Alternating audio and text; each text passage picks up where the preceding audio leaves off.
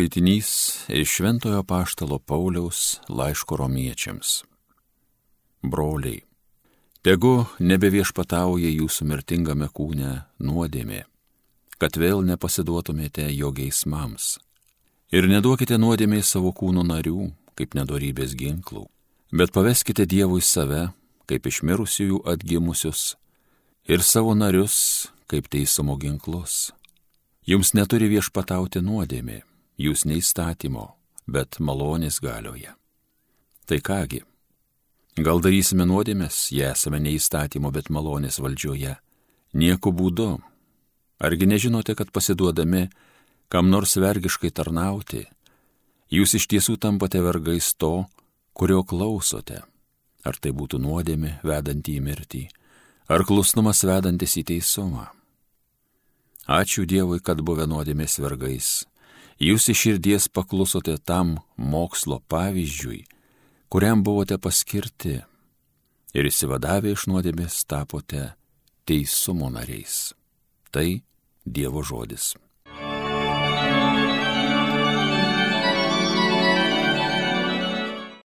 Mums padeda viešpats dangaus ir žemės kūrėjas.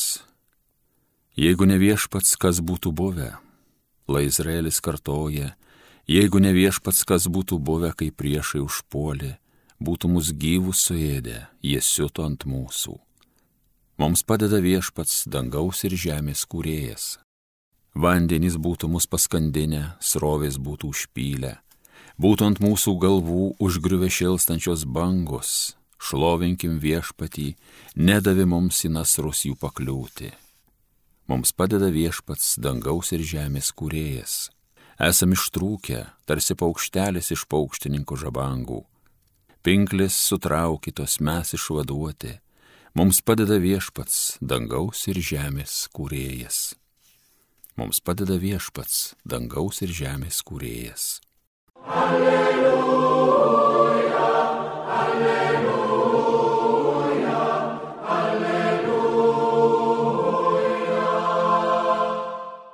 Budėkite ir būkite pasirengę, nes nežinote, kurią valandą žmogaus sūnus ateis. Alleluja, alleluja, alleluja. Evangelija pagal Luką. Jėzus kalbėjo savo mokiniams. Įsidėmėkite, jei šeimininkas žinotų, kurią valandą ateis vagis, neleistų jam įsilaužti į savo namus. Ir jūs būkite pasirengę, nes žmogaus sūnus ateis, kai nesitikėsite. Tuomet Petras paklausė, viešpatie, ar šį palyginimą pasakėjai tik mums ar visiems?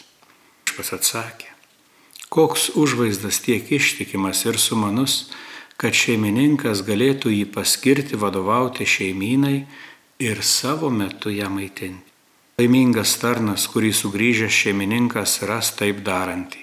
Sakau jums tiesą, jis paskirs jį vadovauti ir valdyti visai savo nusavybei. Bet jeigu anas tarnas pasakys pats savo, mano šeimininkas neskuba grįžti ir ims mušti tarnus bei tarnaitės, valgyti, gerti ir girtuokliauti, tai to tarno šeimininkas sugrįž vieną gražią dieną, kai jis nelaukia. Ir tokią valandą, kurią jis nei manyt nemano. Šeimininkas jį žiauriai nubaus ir jam teks neištikimųjų likimas. Tarnas, kuris žino savo šeimininko valią, bet nieko neparuošia ir pagal jo valią nedaro, bus smarkiai nuplaktas. O kuris nežino šeimininko valios, kad ir baustinai pasielgęs bus mažai plakamas. Iš kiekvieno, kuriam daug duota, bus daug pareikalauta. Ir kam daug patikėta, iš to bus daug ir išieškota. Girdėjote viešpaties žodį.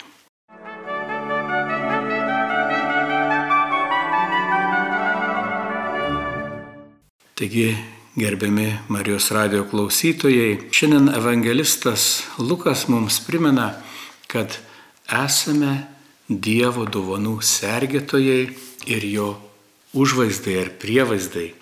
Panašiai kaip kad Dievas sukūręs pirmąjį žmogų Adomą paveda jam sergėti ir prižiūrėti rojaus sodą, taip kiekvienas krikščionis yra Dievo atvaizdas pasauliui, viešpaties rankos pasauliui, Dievo balsas pasauliui.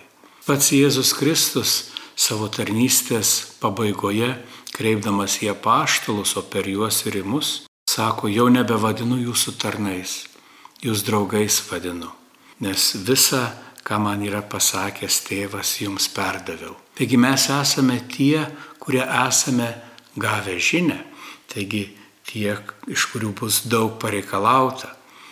Galėtume sakyti, bet kągi aš čia daug turiu, ką aš čia daug galiu.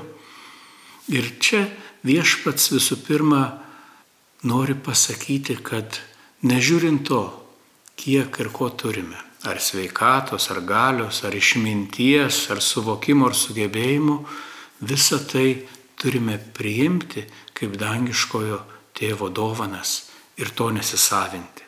Juk tas neištikimasis tarnas su šeimininko turtu ėmė elgtis kaip su savu, tapo tarsi tuo plėšiku, kuris apiplėšinėja šeimininką šiam išvykus. Sako, girtokliauja, valgo, muša tarnus ir tarnaitės, užmirždamas, kad tai nėra jo tarnai ir tarnaitės, tai yra jo broliai seserys, jo bendradarbiai, šeimininko žmonės, o ne jo tarnai ir tarnaitės. Ir čia yra gera proga kiekvienam iš mūsų prisiminti, kad visa, ką turim, visa, ką galim, yra Dievo dovana mums. Ir kaipgi mes galime išlikti tais ištikimais tarnais, kaip neužmiršti, kad visą gavome iš Dievo, ogi per paprastą dėkingumą. Jeigu kiekvieną dieną vakarui atėjus, ne tik, kad kaip geri katalikai padarysime sąžinę sąskaitą, prisimindami, kur suklupome ir atsiprašydami Dievo už tai, bet visų pirma pažvelgdami į dieną kaip į Dievo duotą mums dovaną ir dėkodami už gautasias malonės, tuo dėkojimu ne tik pasidžiaugsime viešpačiu, bet ir pripažinsime, kad visa tai ateina mums iš Dievo rankų. Žydų tradicijoje yra labai gražu vieną dieną savaitėje, būtent šabą, pašvesti viešpačiui. Mes kartais labai paprastai įsivaizduojam, kad tai diena, kada nieko nedirbama. Iš tiesų, tai yra diena, kuomet kartu su Dievu žvelgiama į praėjusią savaitę ir džiaugiamasi. Kaip kad viešpats kurdamas pasaulį, kiekvieną dieną pažvelgdamas į tai, ką nuveikęs, sakė, tai buvo gera, lygiai taip pat septintą kūrybos dieną žvelgia į visą pasaulį, džiugaudamas, kad tai yra nuostabu, kad tai yra be galo gera.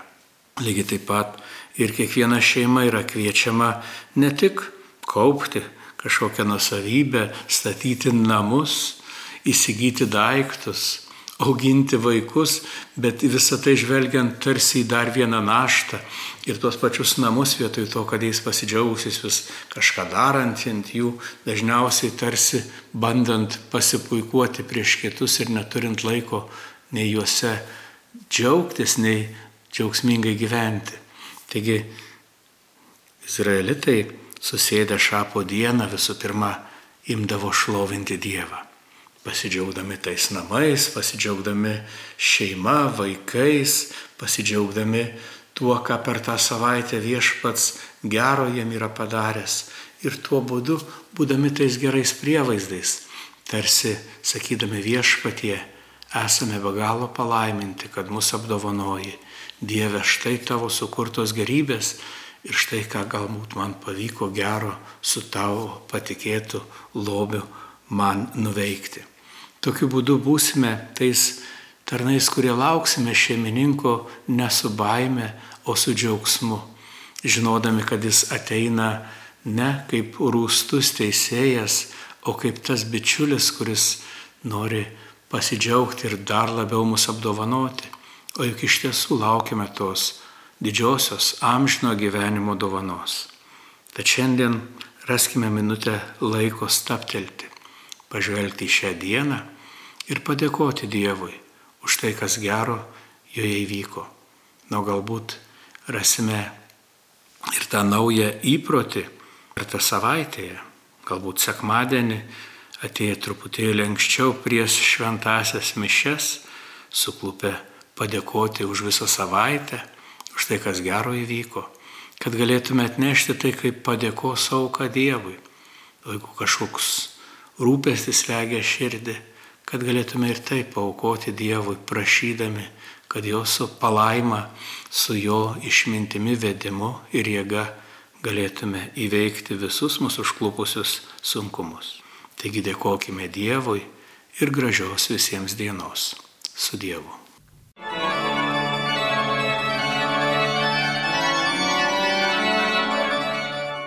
Evangeliją skaitė ir homiliją sakė brolis pranciškonas kunigas Juozapas Marija Žukauskas.